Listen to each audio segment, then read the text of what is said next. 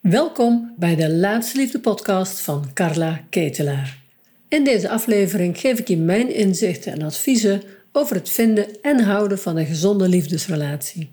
En waarom het je tot nu toe niet gelukt is en wat er nog nodig is, zodat jij ook jouw eindman of eindvrouw in je armen kunt sluiten voor de relatie die je zo graag wilt. Goedemorgen. Hi. Adriana, hi. Wij, uh, wij gaan een mooi gesprek hebben over de liefde. Wij zijn elkaar een aantal jaren geleden tegengekomen. En we zijn eigenlijk nou, regelmatig met elkaar in contact. En nu hebben we eigenlijk, hè, jij gaat een boek over de liefde schrijven. Ik heb een boek over de liefde geschreven, dus we kregen er eigenlijk een heel leuk gesprek over. Nou, vind je het leuk om jezelf even kort te introduceren? Ja, zeker. Ik ben uh, Adrienne van Gifted People. En ik help hoogbegaafde volwassenen om meer te leven in het verlengen van hun blauwdruk. Dat betekent dat je de dingen doet die voor jou kloppen. Dat je het fijn vindt, dat je het leven fijn vindt. En dat je ook op werk en relaties mensen om je heen hebt waarmee je het goed vindt. En uh, ja, zodat je eigenlijk een mooi leven voor jezelf kunt creëren. En ook jouw unieke gaven beter kunt benutten. En ik help vanuit Gifted People ook mensen begrijpen wat hoogbegaafdheid is. Want daar is nog heel veel onwetendheid over. Er zijn nog heel veel misvattingen over. En dat heeft natuurlijk ook invloed op uh, het herkennen van hoopgaat bij jezelf en bij de mensen om je heen. Maar ook het daar eerlijk en open over durven te zijn naar andere mensen. Mooi. Dus dat is een beetje wat ik doe. En ik denk dat uh, voor degenen die mijn podcast gaan luisteren, het ook heel leuk is om te horen wat jij precies doet. Ja, leuk. Nou, mijn bedrijf heet Laatste Liefde. En ik help vrouwen, die zelfstandige vrouwen, ondernemende vrouwen, vaak succesvol. Die help ik bij het vinden van de juiste liefde. En dat doe ik niet door bemiddelen, want dat is helemaal niet nodig. Maar ik help je om te kijken, om te onderzoeken waarom het tot nu toe niet gelukt is. Bijna altijd ligt daar iets onder, of nou, dat kunnen we onderzoeken. En dan helpen we ook heel concreet bij. Het lukt, hè, hoe niet, maar wel vooral ook hoe dan wel. Ja. ja. Ja, en we hadden het net al eventjes over, ik werk natuurlijk met hoogbegaafde volwassenen. En zeker als we het over het stukje intellect hebben, uh, merk ik soms dat bij intelligente vrouwen, dat daar best wel nog wel het een en ander in de weg kan zitten van het vinden van uh, een, een, leuke partner. Absoluut. Maar ook in een relatie. En ik ben benieuwd, jij deel er al een beetje over hoe jij er tegenaan ja. kijkt. Je, gaat, je kopt hem er gelijk in, hartstikke goed. Ja. ik dacht, is het nog heel leuk, Adrienne? Ik dacht, laten we rustig beginnen. Ja. ja nee, ik ben heel erg snel van uh, laten we in de inhoud gaan. Maar dat gaan we zo doen. Voel je vrij om, ik dacht, om gewoon iets anders weer te zeggen. Is het nog heel leuk om even iets te vertellen over je eigen achtergrond? Hoe kom jij nou tot deze, ja, tot deze niche, zeg maar, tot dit hoogbegaafde werk wat je doet? Ja. Ja, ja. Ik kwam er ooit zelf achter dat ik hoogbegaafd ben. En uh, eerst dacht ik van nou, dat lijkt me niet. Want dat zijn toch alleen maar van die super slimme, intelligente Einsteins. En uh, die alleen maar hoge cijfers halen en het overal goed in doen. En toen dacht ik, ja, dat is niet helemaal waar ik me in herken. Maar gaandeweg kwam ik natuurlijk steeds meer achter wat hoogbegaafd het is. En ik dacht eigenlijk aan de ene kant van, wow, dit gaat over mij. En aan de andere kant, maar waarom heb ik dit nooit eerder gehoord? Hè? Dus waarom kom ik daar, nou, ik was er nog vrij jong achter. Maar toen dacht ik al, waarom kom ik daar nu pas achter? Ja. En voor mij voelde dat toen van, ik vind het heel raar dat het zo lang heeft geduurd voordat ik een, echt een cruciaal puzzelstukje over mezelf vind. En ik vind dat dat gewoon toegankelijk moet zijn voor iedereen. Ja. Dus vanuit daar kwam ik heel erg op het thema hoopgaafdheid. Toen heb ik uh, samen met iemand anders, samen met twee anderen, een, een ontwikkelomgeving hoopgaafde jongeren mede ontwikkeld. En ja, daar, daar leer je gewoon in de praktijk wat hoopgaafdheid is, in, in plaats Mooi. van uit een boekje. Mooi. En voor mij gaf dat heel veel waardevolle inzichten in wat hoopgaafdheid meebrengt in alle leeftijdscategorieën. Maar ook voelde ik van, voor mijn missie is, uh, is meer gericht op volwassenen. Want ik voelde ook, Mm. die jongeren die we hielpen, die hielpen we heel goed. Maar de sleutel lag ook veel in hun ouders. Dus Ja. ik dacht, als ik nou me daarop ga richten, dan kan ik eigenlijk de hele cirkel rond veel beter ondersteunen. Mooi. Dus vanuit daar ben ik ook mijn eigen bedrijf gestart. Met als missie dus om hoopgaafden te helpen meer zichzelf te kunnen ontdekken in hoopgaafden en wat dat betekent. En ook hun leven veel meer past in te richten. Mooi, mooi. Hey, en wat zou je een omschrijving kunnen geven? Hè? Dat woord hoogbegaafd wordt natuurlijk heel veel gebruikt. Zou je er iets over kunnen zeggen hoe jij dat precies zou vert- vertaalt en hoe je dat ziet? Ja, ja ik eh, omschrijf hoogbegaafdheid als de optelling van de drie hoofdkenmerken anders, intens en snel. En anders gaat heel erg over het gevoel dat je anders bent. Dus echt het Mhm. dieperliggende gevoel dat je anders bedraad bent. En dat uit zich ook dat je vaak anders tegen dingen aankijkt. Dat je vaak ook niet snapt waarom mensen dingen op een bepaalde manier hebben gedaan. Terwijl jij ziet dat het ook overduidelijk anders wordt te zijn. Of iedereen zegt A, ja, de- volgens mij is het B. Dus je voelt op heel veel opzichten, in heel veel opzichten, dat jij echt anders in elkaar zit, anders bedraad bent. Eh, dat kan er soms toe leiden dat je onbegrepen wordt. Dus dat jij dingen op een bepaalde manier ziet, dat communiceert en dat andere mensen je dan gewoon niet snappen. Mhm. Eh, het heeft vaak ook het gevoel dat je eh, bijvoorbeeld in de kamer vol met mensen staat en dat je toch voelt van ja, ik hoor er gewoon net niet helemaal bij. Um, dus het anders zijn, dat is heel voelbaar. Ook als het soms best wel lastig om onder woorden te brengen wat het precies maakt dat jou anders maakt. Ja. Het tweede kenmerk intens gaat heel erg over dat je heel goed dingen kunt aanvoelen, ook heel intens kunt waarnemen. Dat je ergens binnen kunt lopen en je ziet meteen hoe het beter kan, ook hoe mensen met elkaar omgaan en uh, je, je vangt heel snel prikkels op. Je ziet ook eh, wat mensen niet uitspreken, terwijl het wel gevoeld wordt. Dus je voelt heel veel, je ervaart heel veel en je neemt heel veel waar. Uh, maar je kunt soms ook een beetje te veel zijn van iets. Hè. Dus heel veel opgaafd worden, een beetje te druk, te intens, te gevoelig, uh, te emotioneel, te perfectionistisch, te direct. Nou echt of alles waar je te voor kan zeggen, dat hebben de meeste hoopgaafden al een keer gehoord. Dus je merkt vaak ook van je omgeving dat er op gereageerd wordt. Hè? Dat je inderdaad toch wel vaak gezegd, doe, doe nou maar even rustig. Of stel je niet zo aan. Of waarom moet alles bij jou toch zo, dit of dat. Dus dat is vaak waar je het intentie heel erg aan kunt herkennen. En het derde kenmerk snel gaat echt over het snelle denken, voorlopen in je ontwikkeling, stappen voorlopen andere mensen. Ook in daar juist heel erg snel zien wat er beter kan en snel met oplossingen komen. Dus niet altijd per se dat je snel met een reactie komt. Dat wordt nog wel eens vergist.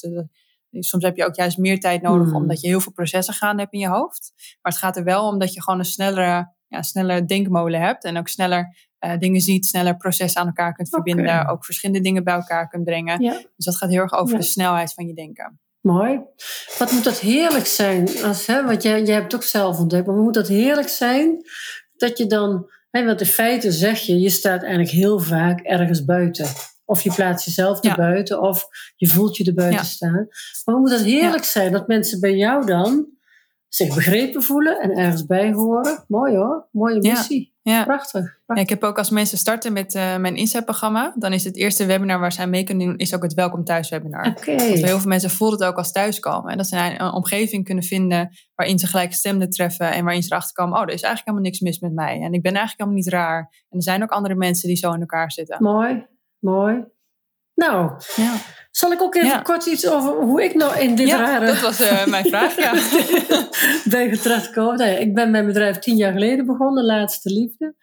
En die is ontstaan uit, ja, toch eigenlijk altijd zeer zoekende zijn in de liefde. En het dan denken helemaal gevonden te hebben. En dan valt, en dan is, valt het toch weer tegen. Is het weer niet zo. Meerdere relaties achter de rug, een scheiding. Dus eigenlijk, en toen was ik eh, twaalf jaar alleen. En op een bepaald moment dacht ik, ik doe iets echt niet goed, maar ik had het niet door. Gaf zelf wel therapie al jarenlang, ook relaties, relatietherapie. Het bestaat, je kan relatietherapie geven en zelf rotzooi in de liefde. En toch, voor anderen werkt het wel, maar ik kon mezelf niet helpen. Dus uh, toen ben ik via via, uh, heb ik toch hulp gezocht. Maar een groot deel van dat ik mijn partner gevonden heb, heb ik helemaal zelf moeten uitpuzzelen. En ik had hetzelfde als jij, dat ik dacht, maar hoe kan het nou dat hier niet bij... Ik kon niemand vinden. Of ik vond een therapeut, die wist niks van datingsites. Of ik vond een datingcoach, maar die wist van niks van de achterliggende gronden waarom de dingen moeilijk zijn. Dus ik dacht, dat moet beter kunnen. Dat kan, dat moet één verhaal worden. Nou, dat is wat ik, waar ik mensen dan mee help, met dat verhaal. Dat is een programma bij mij. Ehm, vind je Eindman-programma, zo heet dat. En wat ik daarin doe, is dat ik vrouwen helemaal bij de hand neem. Dus in het begin al ga helder maken samen van waar ligt wat in jouw onderstroom maakt nu dat je nog belemmerd wordt om je echt open te stellen voor de liefde. Of om de juiste partner op je pad te krijgen. Nou, dat, dat doen we een paar maanden over en dan stap voor stap gaan we ook richting de praktijk. Want je kan jaren therapie hebben en denken, nou snap ik het. Maar ja, voor als je die liefde echt tegenkomt, dan kom je vaak nog weer die oude dingen opnieuw tegen. En juist dan heb je steun nodig. En dat is wat wij doen. Ja. Dus ook vanuit en bied jij ook een community? Ja, we hebben ook een community. En ik denk wel redelijk vergelijkbaar. Bij, mensen, bij mij lopen ze ook door modules heen. En we hebben een hele warme, ja, fijne community. En een team met coaches die altijd klaarstaan. Dus... Uh, ja. ja, want ik kan me ook voorstellen, hè, net zoals natuurlijk een beetje bij mijn, uh, mijn doelgroep ook zeg maar bij Hoop Graafd ook zo is, dat je je soms ook heel erg alleen gaat voelen. Dat je denkt, ja, er is blijkbaar iets mis met mij. Absoluut. Want iedereen om me heen heeft een partner en mij lukt het niet. Terwijl Precies. ja, ja. mensen die je helpt, zij hebben natuurlijk goed voor elkaar. Ja. Dus ik kan me voorstellen dat je dan best wel aan jezelf gaat twijfelen. Dat is he helemaal waar, want ik had het zelf ook. Dat ik dacht, hè? Zo, wat is er dan mis met mij? Hè? Waarom om je heen hè? iemand gaat scheiden, hup, heeft zo weer een ander, denk ik. Huh? En ik zoek al jaren. Maar vind je die mensen? En wat ik zelf wel ontdekte, misschien herken je dat ook wel, is dat we vergelijken ons vaak in de buitenwereld met hetzelfde. Hè? Ik heb geen relatie en zij wel. Maar we vergelijken ons vaak met appels en peren, want iedereen heeft een ander thema in zijn leven. Mijn thema was echt liefde, mijn hele leven al. Uh, een thema van een ander is bijvoorbeeld weer altijd werkproblemen. Of altijd problemen met de familie. Of zo hebben we allemaal een eigen item, denk ik, wat het meeste speelt. Maar ja, we vergelijken ons met de mensen die geen thema hebben in de liefde. En dan kom ik er slechter af, zeg maar. Ja, ja. ja. Ja, het is ook heel makkelijk om te vergelijken met mensen die net iets verder zijn. En dan vervolgens naar jezelf gaan kijken en dan gaan twijfelen en denken van, oh, ik doe dan iets niet goed. Precies.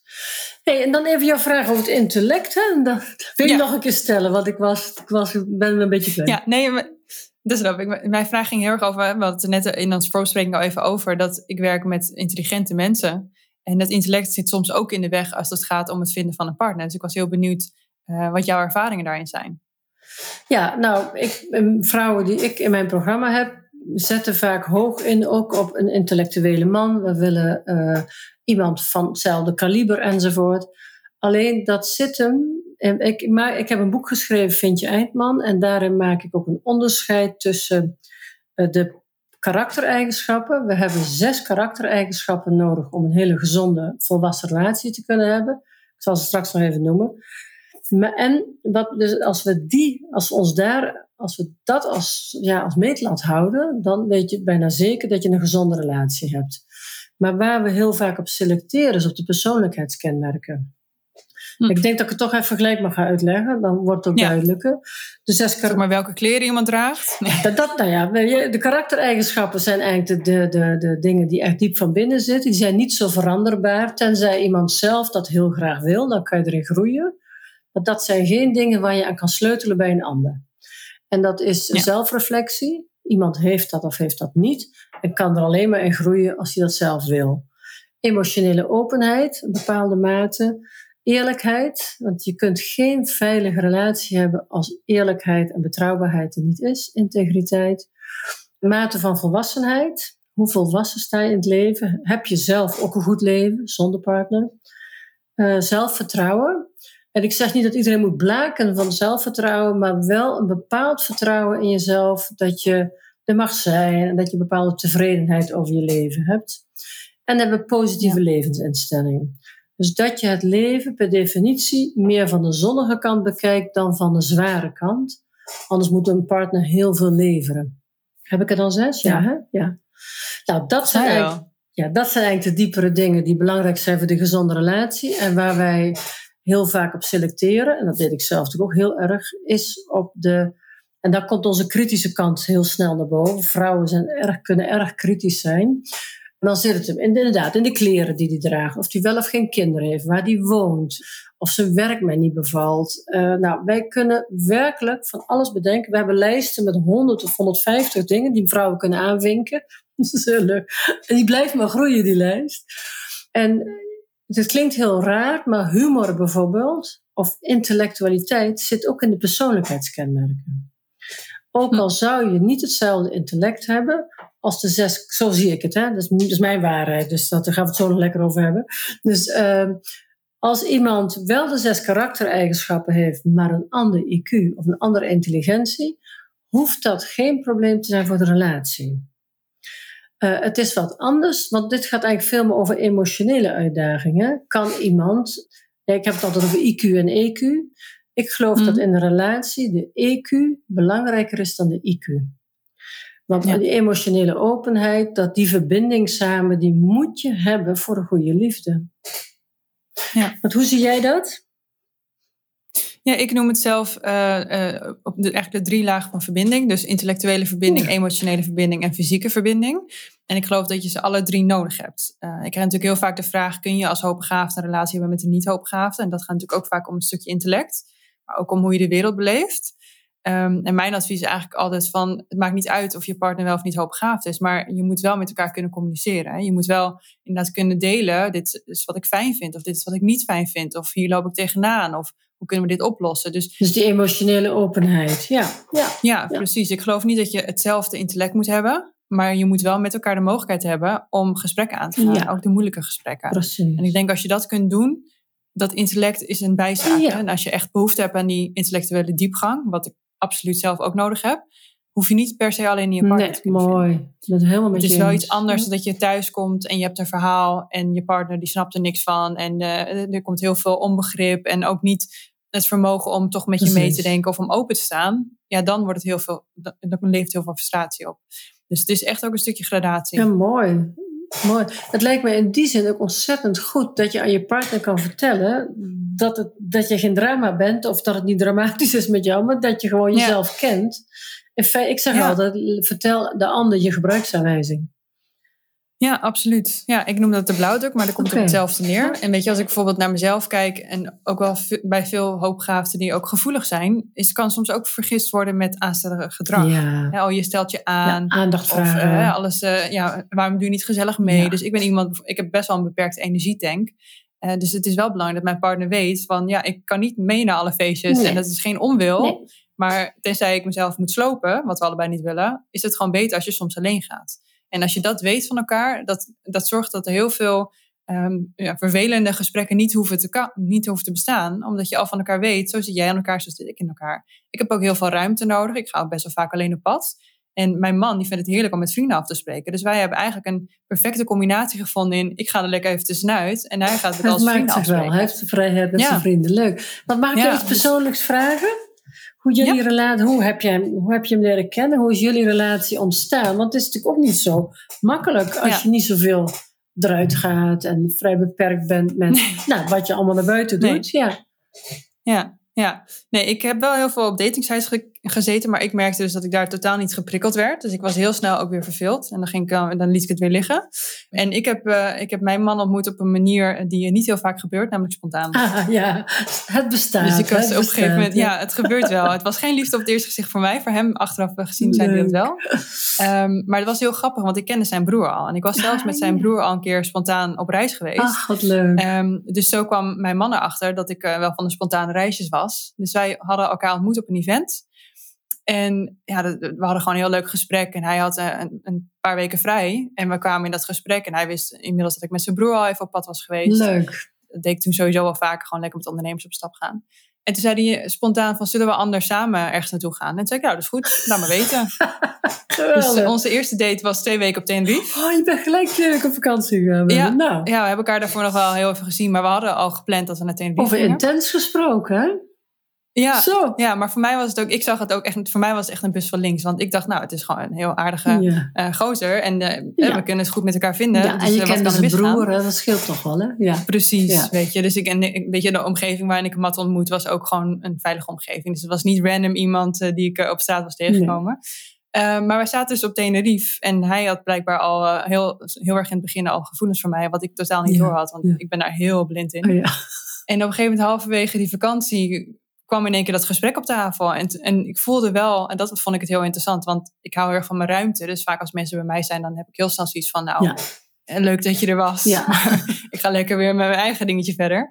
En ik had bij hem heel vaak het gevoel van, ik vind het leuk als je blijft. dus ik vond het al heel interessant om te merken van, hé, er is wel een lijntje, waardoor ik het gevoel heb van, er klopt iets. Mooi. Dus ik merkte dat mijn lichaam eigenlijk al een soort van wist, hè, dit is hem. Ja, En mijn, mijn brein was nog een soort van aan het snappen wat hier aan het gebeuren was. Dus dat was een beetje mooi. eh, hoe dat. eh, dan hoe dat zou- zeg je eigenlijk ook dat door zo'n ervaring je ook een beetje buiten je lijntjes kijkt.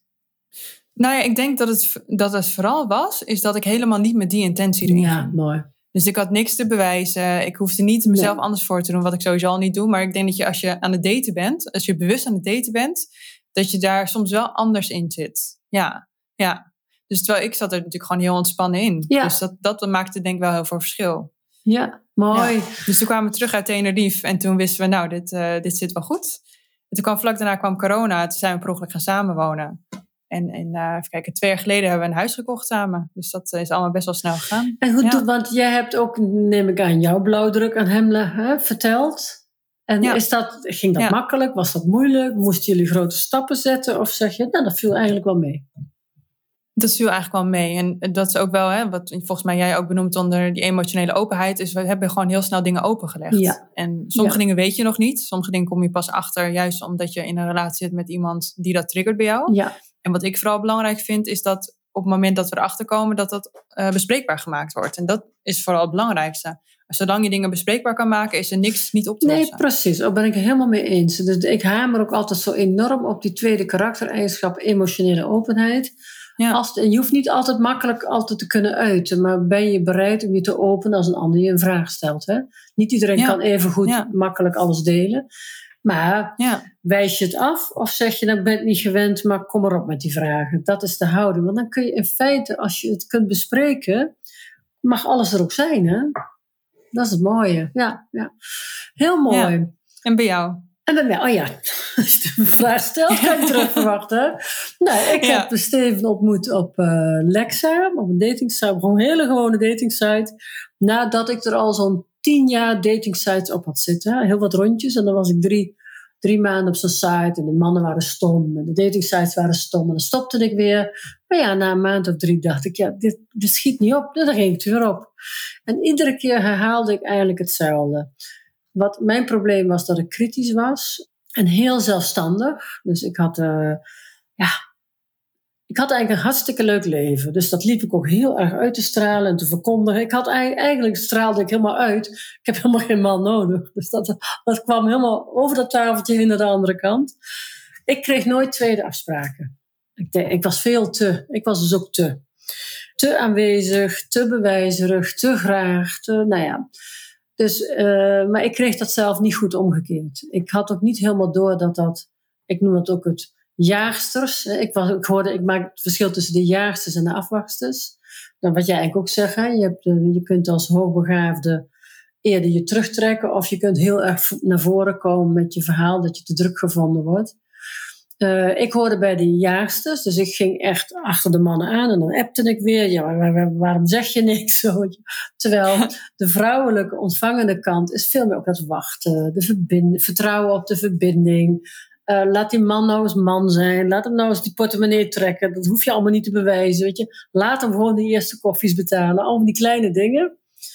Nou, en dat heb ik echt stap voor stap moeten leren. En toen ik Steven ontmoette, toen had ik me echt met mezelf afgesproken. Bij deze man ga ik eens op mijn handen zitten. Ik zoek een man met initiatief, want ik ben heel daadkrachtig. Dus ik zoek daar een man van mijn kaliber naast. Maar als je zelf heel daadkrachtig bent, of dominant in het daten noem ik het ook wel, dan trek je dus de bagagedrager mannen aan, de mannen die achterop springen. En dat wilde ik niet. Maar nou ja, ik, dat moest ik dus echt anders doen. Dus ik heb in mijn eerste periode met hem twee keer heel lang ontmoet. Wat tien dagen gewacht tot hij de vervolgstap nam. Dus dat was heel lang voor mij. Meestal zat ik een dag later alweer op de mail. En dat heeft goed gewerkt. Dus een hele daadkrachtige man. Uh, ook een beetje eigenwijs, zoals ik dat ben. Dus we zijn een mooie mix. En uh, ja, ik vind, we hebben het heerlijk samen. 15 jaar nu. Toevallig in 5 mei waren we 15 jaar bij elkaar. Ja. En ook niet zonder slag of stoot. Ik ben er altijd heel eerlijk over. Iedere relatie schuurt.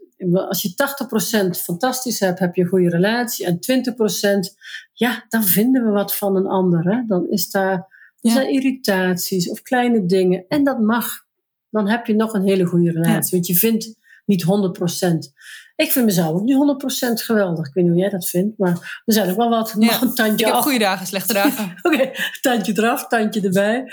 Maar dan is 80% ook al, heb je ook al een fantastisch leven, toch? Dus zo, uh, en zo sta ik ook in de relatie. En dat maakt ook, denk ik, dat we het goed hebben.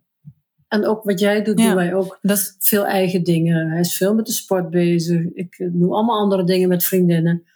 En ik vind dat eigenlijk de ideale relatie. En een verbinding en veel zelfstandigheid. Ja. Ja, ik schreef ook vaak wel aan dat het heel belangrijk is dat je een balans vindt tussen je alleentijd en je samentijd. En ook in die samentijd hoe je dat dan besteedt. Hè? Want op het moment, ik, bijvoorbeeld, ik heb heel veel uh, ruimte nodig. Dus als ik alleen maar samentijd zou hebben, ja, dan, dan zou de relatie op een gegeven moment ontploffen. Ja. Dus het is juist heel goed dat je dat van elkaar weet. En uh, wat je net ook zei, dat, uh, daar deed me ook een beetje denken aan uh, je 80% van je relatie, als die goed is, dan heb je een hele goede relatie. En dat zie ik vaak ook bij opgaven, dat ze de lat heel erg hoog leggen. Hè, van niet 80%, maar toch echt wel 99%. Ja, het moet bijna perfect dan, zijn. Hè? Ja, ja, ja, dan kom je vaak wel erachter van, oh ja, deze relatie is niet goed genoeg, of het werkt niet, of mijn partner is niet leuk genoeg. Terwijl als je inderdaad ook ziet van, niet dat die 20% slecht is, maar ik zie veel meer die 20% roept jou eigenlijk op om te ontwikkelen en te groeien.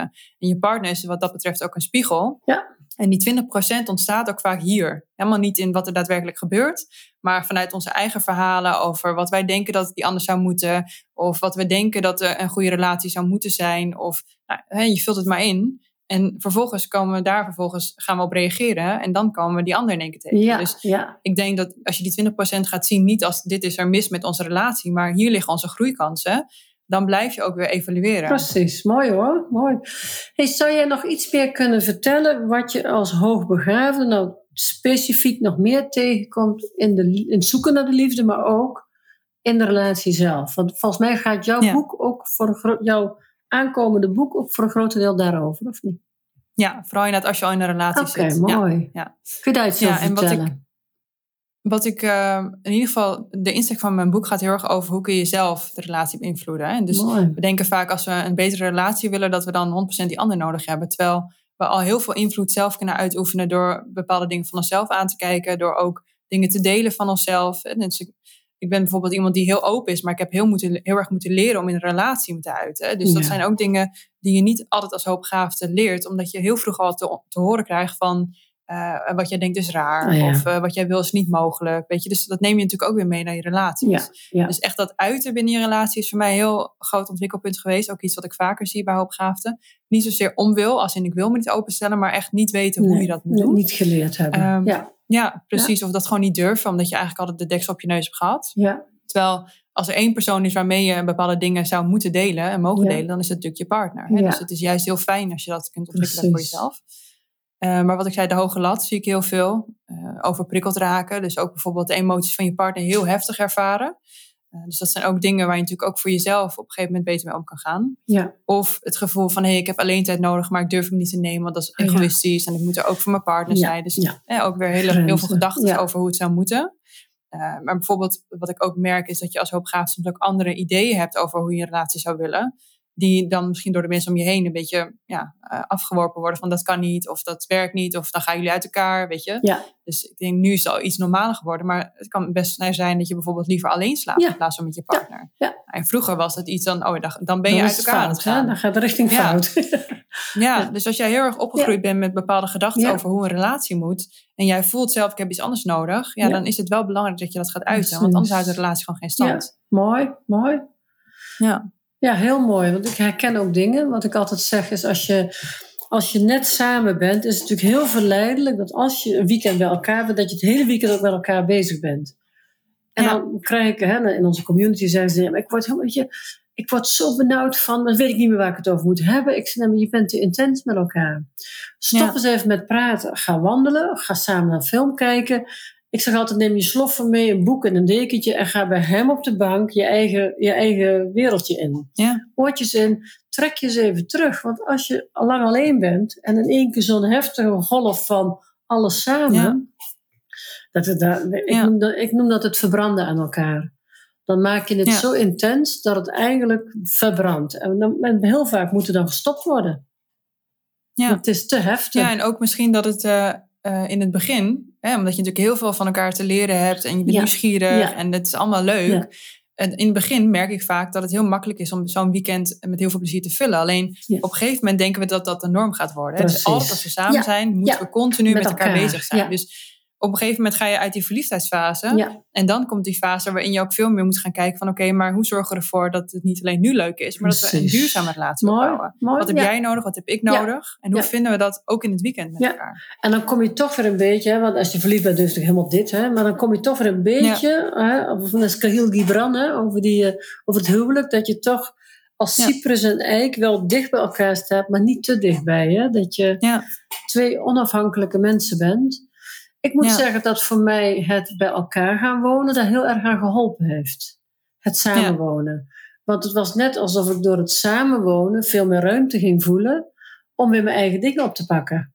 Want Ja. zolang je alleen maar de weekend hebt of een avondje, ja, dan wil je die tijd toch graag samen, want je bent nu toch samen. Dus ik, interessant is vaak dat mensen denken, ja, maar dan kan ik mijn eigen gang niet meer gaan als ik samen woon. Zo, of trouw getrouwd ben. Maar ik had precies de tegenovergestelde ervaring. Dat ik dacht, hè hè, dan Ja. gaat mijn gewone leven ook weer lekker verder. Vond ik zonde. Ja, en ik denk inderdaad dat de druk er weg is. Hè? Dat je niet denkt van oké, we zijn nu samen, dus nu moeten we er alles uithalen. Nee. Maar anderzijds ook, ik denk als je bij iemand anders bent, voel je je sneller bezwaard om even een Ja. moment voor jezelf te creëren. Om te zeggen van hé, hey, ik ben bij jou thuis, Ja. maar ik ga toch eventjes in, de, in jouw slaapkamer zitten en Precies. jij mag niet binnenkomen. Dus ik kan me wel voorstellen dat het voor heel veel mensen dat ze zich daar bezwaard over voelen. Ja. En dat als je gewoon samen een huis hebt waarin je allebei je eigen ruimte hebt, wat Precies. echt heel belangrijk is ook voor mij. Ja. Ik heb gewoon een ruimte en we kunnen ook gewoon afspreken van dan en dan heb ik, laat me even Ja. met rust voor ons allebei als eh, goed Als ik jou zo hoor, want mijn advies is altijd, als je niet als je jong bent is dat anders, maar als je bijvoorbeeld al een relatie achter de rug hebt, of je hebt al, hè, je hebt al wat meegemaakt in de liefde, maar misschien ook wel voor iedereen geldt dat zo, zeg ik altijd, als je dan bij elkaar gaat wonen, zorg dat ieder ook een eigen kamer heeft. Al zit je er Ja. nooit, maar het feit dat je die kamer hebt met jouw plekje, jouw dingetjes waar jij blij van wordt, dat kan de redding van de relatie zijn. Ja. ja, en ik merk ook bij ons, wij hebben het huis er ook op uitgezocht. Dat ze echt allebei een eigen ruimte Ja. hebben. Ja. En het is soms ook heel praktisch, heel handig. Ja. Weet je wel? Als hij dingen wil houden die ik niet in huis wil hebben, dan. Schuif je gewoon, schuif je achter- gewoon de deur. Ja, Ja. mooi. Ja, mooi. weet je, dus, en ik denk dat het ook heel fijn is, wat ik in ieder geval als fijn ervaar, is, hè, dat zie ik ook bij Hoop veel, mijn autonomie is heel belangrijk. Dus ik heb ook een ruimte waar ik volledige zeggenschap Ja, over heb. Mooi. Wil ik dit daar neerzetten? Ja. Bepaal ik zelf. Wil ik dit daar neerzetten? Bepaal ik zelf. Wil ik het allemaal omgooien? Bepaal ik zelf. En ik denk dat dat ook heel fijn is. Als je in een huis samenwoont waarin je alles met elkaar moet bespreken en je niet in één keer kan zeggen van nou, ik heb eh, het bankcel omgewisseld en eh, we gaan nu daar slapen. Ja. Denk je dat het ook heel fijn is dat je een ruimte hebt waarin je wel even weer alles voor ding. jezelf Je helemaal jezelf kan doen. Ja, ja mooi, mooi. Helder. Leuk om zo, zo eh, we hebben eigenlijk, als ik zie, jij doet het heel erg vanuit het hoogbegaafde. En dan denk ik van, oh ja, ik zit eigenlijk met heel veel dingen een beetje op hetzelfde spoor. Hè? Dus wat is nou een gezonde Ja. relatie? Dus wat je eigenlijk leert aan mensen met hoogbegaafdheid, ja, is eigenlijk ook heel erg, hoe relateer je gezond? Hè? Ja. Los. Ja, en ik denk dat eh, de, de principiële principes, nou, ik kwam even Ja. uit, van een goede relatie, Ja. ja. dat maakt niet uit Nee, hoe je hoogbegaafd bent. precies. En het maakt ook niet uit hoe slim je bent. Weet je, het, het gaat er wel om dat je met elkaar ook een bepaald ritme kan vinden en dat je kunt delen met elkaar wat Ja. je belangrijk vindt en wat je fijn vindt. En eh, zolang je dat kan doen, zijn er heel veel dingen gewoon wel op te lossen en uit te werken met elkaar. Precies. En dat is ook wel, ik geloof heel erg in het belang van ook af en toe alleen tijd hebben. Ja, Zeker als je heel goed kunt aanvoelen van die ander. Wat heb jij nodig? Wat verwacht je van mij? Is het gewoon heel makkelijk om echt met elkaar te gaan vergroeien. ja, En dan verlies je op een gegeven moment ook een stuk van je identiteit. En dan merk je ook vaak dat er een soort frictie en wrijving komt. Omdat je gewoon voelt, ik, ik ben niet meer wie ik Precies, ben. Hè? Ik wij zijn versmelt- samen iets geworden. versmelt je Ja. te veel. Hè? Ja. Ja. Want dan, da- ik heb zelf altijd zo'n hekel gehad aan het woord, maar dat ken je dat ook wel, het downdaten. Hè? Wat, die vraag krijgen. Wat vind jij van downdaten? Nou, dan vind ik dus... Nee, dat ken ik niet. ken je het woord niet? Nee, Oh, grappig. nee. Nou, maar In ieder geval bij mij in de Facebookgroepen waar, waar ik eh, dit, dit af en toe deel. Ik krijg altijd vragen daarover. En ik heb dus een aantal dames die dus in mijn programma dus de liefde hebben gevonden. Daar heb ik een interview mee opgenomen. En die vertellen dus, een vrouw is afgestudeerd Nederlandicus en die heeft een relatie met een man die is vrachtwagenchauffeur. En ze hebben het fantastisch. Ze hebben het fantastisch. En hoe we dat. Maar zij was heel strikt. Zij zei altijd: ik wil niet downdaten. Ik wil niet downdaten. En toen hebben we dat gewoon eens eh, ontleed. Zo van: goh, maar kijk nou eens. eh, Met dat eh, karakter, zes karaktereigenschappen, met die persoonlijkheidskenmerk. Wat maakt de relatie nou goed? En ze hadden ze ook uitgemaakt. En toen eh, had ze, was ze aan het maar ze kon hem dus maar niet vergeten. En ze heeft later weer contact met hem opgenomen. En uiteindelijk zegt ze, ja, ik heb gewoon het beste uit twee werelden. Want hij is, hij, alles voor mij. En als ik zo graag over politiek wil discussiëren, doe ik dat lekker met mijn vriendinnen. En ik zoek daar nu andere mensen voor, om dat helemaal, dat uitdagende wat ik zo nodig heb in mijn leven, ja, om dat toch ook te vinden. Dat hoef ik allemaal niet bij hem te vinden. En ze zijn Ja. getrouwd en denk ik, oh ja, en van haar heb ik dat woord downdaten zo vaak gehoord. Ja, en het is, ja, zo- ja, want dat, want dat is wat er wordt vaak gezegd. Ja, voor mannen is dat heel normaal. Hè? Mannen hebben heel vaak vrouwen die dan minder opleiding hebben. Maar mannen verdragen dat niet andersom. Maar ik geloof daar echt Ja. niet in. Ik geloof dat niet. nee, dat zeker niet. En weet Nee. je, ik denk dat dat. ehm, ik denk als je iemand vindt die dat heel belangrijk vindt, is het misschien ook niet de persoon voor jou. En ik denk Ja. dat als je kijkt naar als je hoog opgeleid bent ehm, en je hebt een goede baan en je bent succesvol, dan onbewust of bewust komt in één keer het stukje status en macht wordt heel belangrijk. Mhm. En als je inderdaad met iemand gaat daten die een vrachtwagenchauffeur is, dan eh, voelt dat alsof je dan je status gaat verlagen. Terwijl, en net zoals het woord hoogbegaafdheid ja. als downdaten, daar zit eigenlijk heel veel oordeel aan. Terwijl het zegt eigenlijk helemaal niks over wie een betere partner is of uh, wie een beter mens is. Dus Precies. Dus ik zou veel meer naartoe willen dat we eigenlijk los gaan laten naar labels en ook minder gaan kijken naar wat is je opleiding of wat voor werk doe je, maar gewoon wie ben je als mens.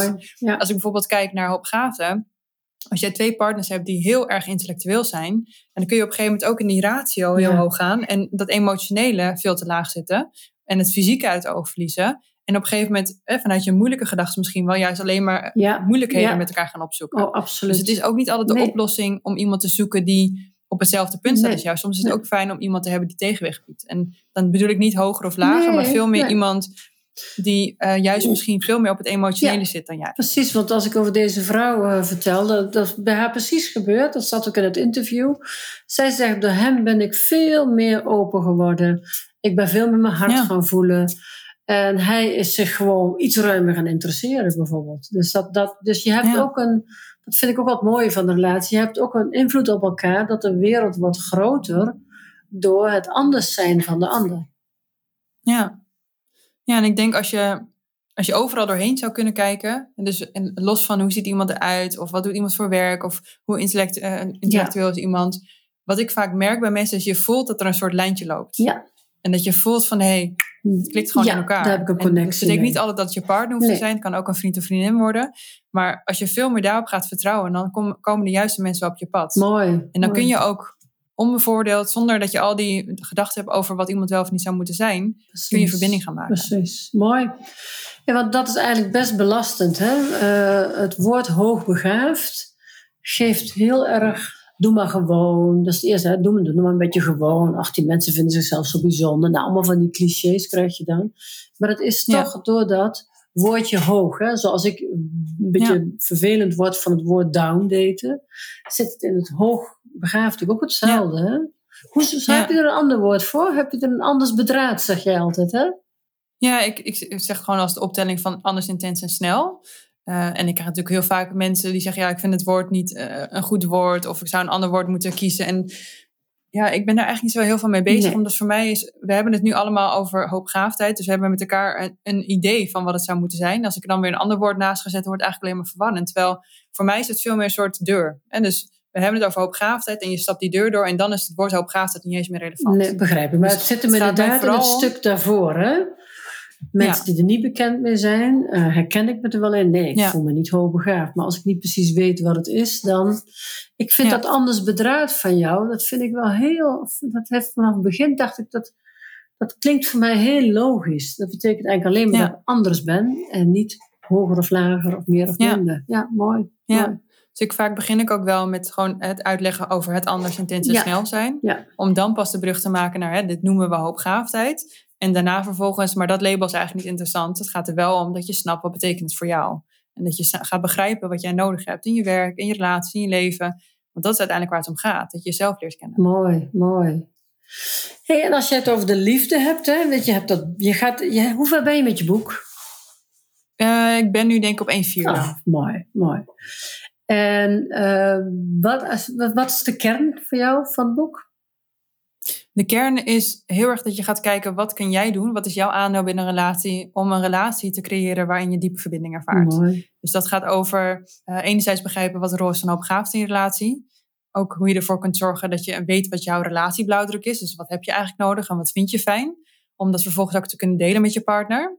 Maar ook om je eigen binnenwereld te gaan onderzoeken. Want hè, wat, waar we het ook een paar keer over hebben gehad. Hier gaat soms van alles aan de haal. Komen allemaal verhalen. Komen allemaal, hij doet dit, dus dat betekent dat. En dus vindt hij me niet meer leuk. En vervolgens ga je daar eigenlijk je relatie mee saboteren. Ja. Maar je hebt ook bijvoorbeeld beschermingsmechanismen van vroeger. Het zijn allemaal gedragingen die gebeuren in een relatie waar die ander weer op reageert. En door dat te gaan herkennen en te gaan ontmantelen, kun je ook veel meer op een andere manier in gesprek aan gaan die Mooi. juist doorbouwt op iets, in plaats van dat je steeds iets aan het afbreken. Precies. Nou, wat En mooi. het laatste stuk gaat ook over investeren of weggaan. Dus Ja. wanneer is het belangrijk dat je blijft investeren en wanneer is het belangrijk dat je misschien zegt, Ja, misschien is dit niet voor mij. heel goed. Want, want soms blijven mensen ook... eh, Ik zie echt dat mensen vaak te lang in relaties blijven die niet goed Ja. zijn.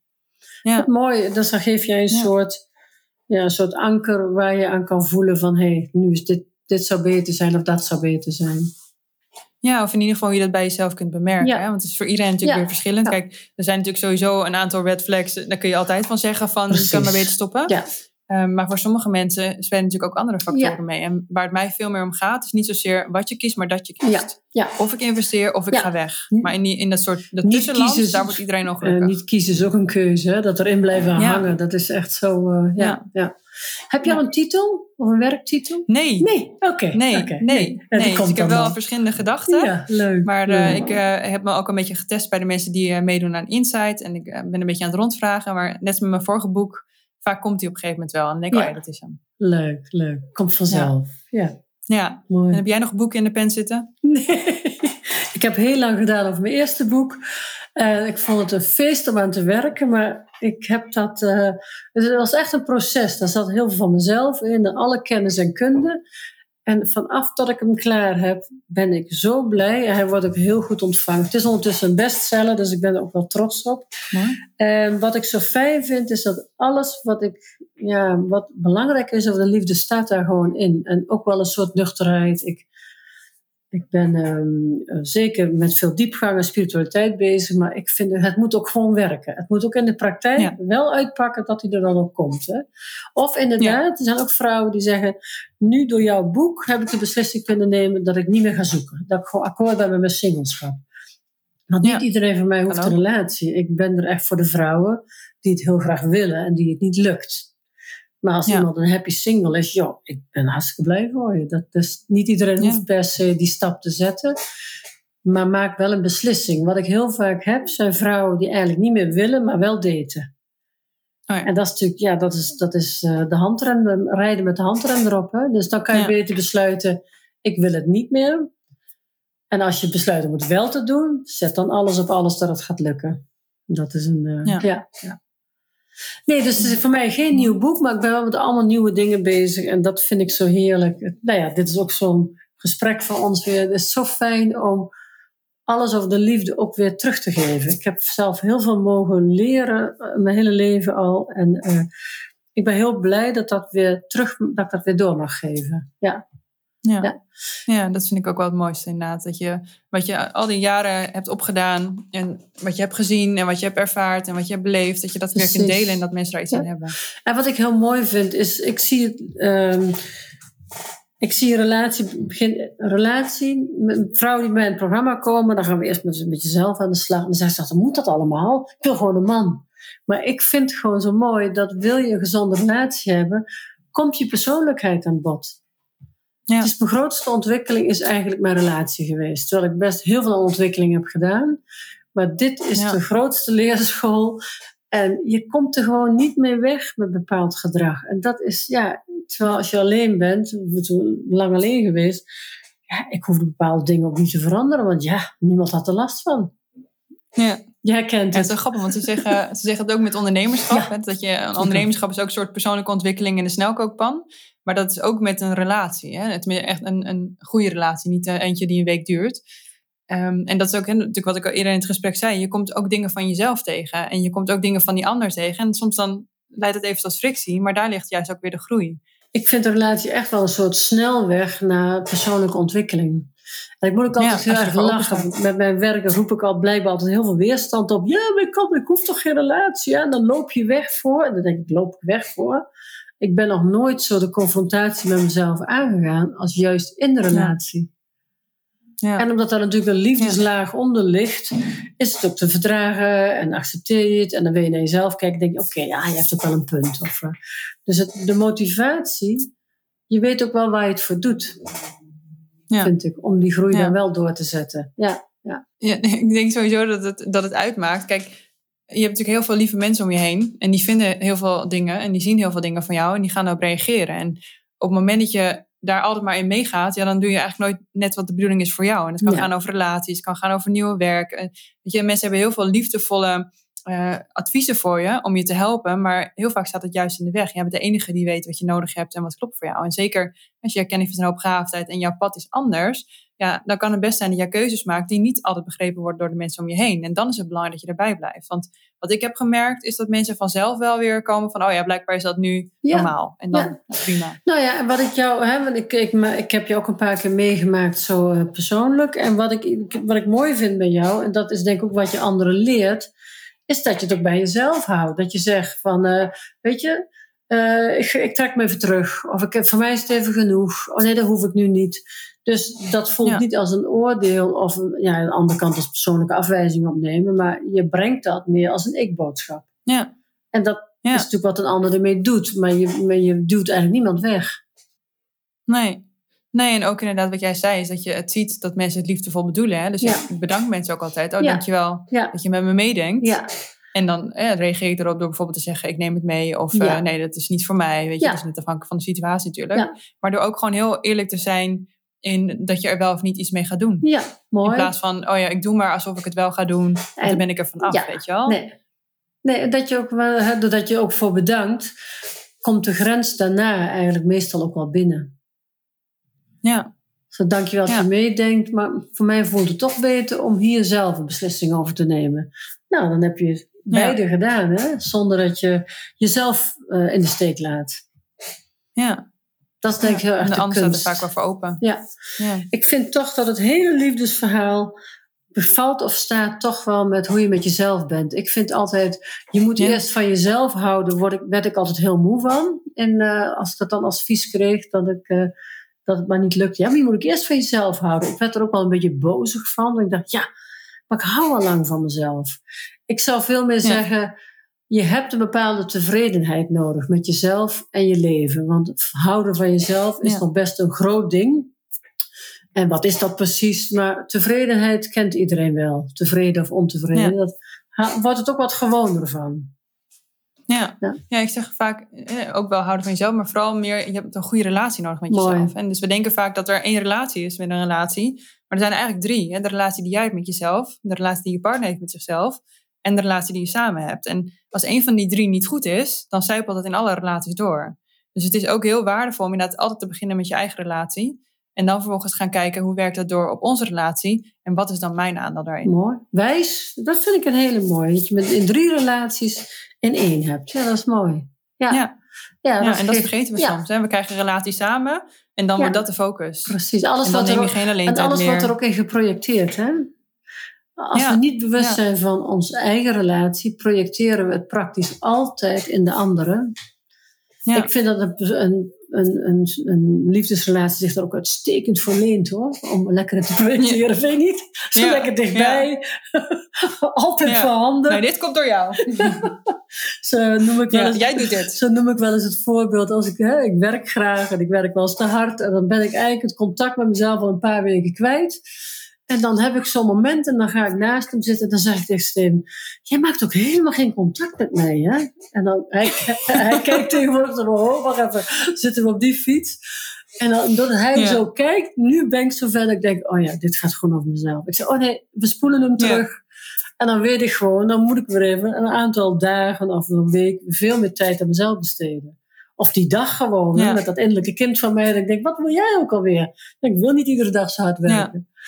Maar het, is zo, het ligt zo dichtbij om het lekker bij de ander te willen halen. Hè? Als, dat, als de Ja. relatie met jezelf even wat dunner is. Ja, ja. Ja, maar het is ook mooi als je dat ziet. Hè? Bijvoorbeeld, eh, jij maakt geen contact met mij. En je draait hem om. Ik maak geen contact met mij. Dan heb je vaak ook wel het antwoord voorhanden. Hè? Dus het Eigenlijk is, als het de ik het is ervoor, inderdaad- hè? Ja. Ja, precies. Weet je? Dus het geeft zoveel inzicht Ja. als je het bemerkt. Van, hé, wacht even. Ik vind dat hij iets niet doet. Oh, wacht even. Waarschijnlijk doe ik Ja. dat dan niet. En wat heb ik dan nodig? Bijna altijd zo op elkaar te leggen, hè? dat dat zo werkt. Ja. Ja. Ja, Maar het is ook heel fijn een partner die dat terug kan geven. Ja. Weet je, ik heb natuurlijk ook wel eens van dat soort momenten. En als je dan een partner hebt die daar ook gewoon met een grapje op kan reageren, ja, dan dat maakt het ook lustiger. In plaats van dat die ander gelijk helemaal op ingaat en eh, ook getriggerd wordt, ja, dan wordt het lastiger om, eh, om dat te herkennen. Ik vind, het ook wel, ik vind het ook wel steeds leuker worden. Want ik kan, ik kan ontzettend eigenwijs zijn. En hij gelukkig ook. Maar eh, dan zit ik helemaal in mijn eigenwijze bui. En dan is er iets. En dan hebben we een conflict. En dan kan ik dat niet gelijk oplossen. We zijn ook zover we tegenwoordig zeggen... Laat me even pauzeren. We zijn alle twee boos. Morgen hebben we het erover. Dat is ook heel rustig. Maar dan kom ik dus terug en dan wil ik het eigenlijk niet zo lang laten lopen. En dan kom ik terug en dan kom ik binnen en zeg ik, ja, maar jij bent ook zo eigenwijs, zeg ik dan. Nou, en ze dan weten dat ik eigenlijk bedoel te zeggen dat ik dat zelf ben, en dan hebben we gewoon zo'n lol, is het eigenlijk wel grotendeels over. Want ik vind dat zelfreflectie, het kunnen terugnemen, je bewust worden van je eigen gedrag, vind ik echt de gouden sleutel voor een gezonde relatie. Ja, dat, dat, dat je gewoon. Ik heb ook wel eens dat ik zeg: ja, weet je, ik weet niet wat er aan de hand is. Het ligt bij mij, dus het gaat niet over jou. Maar nou, dan is het ook alweer uit de lucht. Ja. Ja. ja. ja, en inderdaad, wat je ook zegt, hè, ik noem dat een time-out. Ja. Is dat op het moment dat iets gebeurt, ben je allebei niet helder van geest. En je hebt emoties, ja. je, er is hier chaos. En als, heel veel mensen proberen dan op dat moment iets uit te gaan praten. terwijl dat werkt bijna nooit. Nee. mooi. Weet je, dus voor ons is het ook op, op merken dat het een beetje dit gaat doen. Dan zeg ik ook van oké, laat maar eventjes. En dan neem ik tien minuten voor mezelf en dan kom ik terug en dan kunnen we het gewoon rustig Precies. uitpraten. Wat is er gebeurd? Wat heb jij nodig? Wat heb ik nodig? Hoe kunnen we dit voorkomen? Heb je een heel ander gesprek. Maar als je gaat forceren met elkaar, maar we moeten het er nu over hebben. Je ja, dat wordt, uh, je dat drama's, hè? Ja, allemaal drama's. Ja. Want jij deed dit en jij deed dit. Precies, en dan komen die oude koeien uit de sloot. Ontzettend. weet je nog vorig jaar? vorig jaar en toen en toen en toen. Ja. ja. Leuk, Adrienne. Nou, ik uh, ben weer een heel stuk wijzer. Leuk om met een andere liefdesexpert en een, een ontwikkelexpert te praten. Heel erg leuk. En, uh, nou, zullen we nog even onze websites noemen? Misschien leuk, misschien kunnen we erop onder zetten. Maar, uh... Ja. De website van Gifted People is giftedpeople, www.giftedpeople.eu. En daar vind je ook een gratis e-book over hoogbegaafdheid. Dus als je meer wil weten over hoogbegaafdheid, is dat een hele mooie start. Leuk, leuk. Nou, mijn uh, website is www.laatsteliefde.nl. En op die website staan ook allerlei gratis dingen om uit te proberen een relatie. Of een Ben ik klaar voor de liefde test staat erop. En, uh, ook een e-book. Kijk, geniet ervan. En, uh, nou ja, en ik heb natuurlijk het boek Vind je Eindman. Dat is een mooie opstap voor een gezonde liefde. En ehm, ik ben heel benieuwd naar jouw boek. En uh, dat komt ik ook. Wanneer gaat die ongeveer uitkomen? Heb je een idee? Geen idee. Nee, ik ga altijd het creatieproces uh, gewoon heel open in. Dus ik begin en dan kijk ik wanneer het klaar is. En wanneer het klaar is, is het klaar. Ja. Nou, voor iedereen die geluisterd of gekeken heeft, doe wat je nodig hebt. Zoek ons op. Luister dit nog eens af als je het fijn vindt om uh, nog de wijsheden weer mee te nemen. En uh, wat mij betreft wens ik je heel veel goeds en liefde in je leven. Ik sluit me daar helemaal bij aan. Zo. Dankjewel voor het luisteren. Dankjewel. Voel jij je aangesproken als daadkrachtige ondernemende vrouw? Herken je je erin dat het lijkt alsof je extra obstakels tegenkomt in de liefde, terwijl de rest in je leven je prima afgaat? Nou, dat klopt dus. Er zijn wetenschappelijke onderzoeken die dit bevestigen. Laat jij je hierdoor niet meer afschrikken en weet jij heel zeker dat je die liefdesrelatie wilt? En wil je niet langer wachten op die ontbrekende schakel in jouw leven? Dan is er de mogelijkheid dat ik je één op één ondersteun. Dit is echter niet voor iedereen. Stuur me daarom een mailtje naar support Dan kom ik graag met je in contact.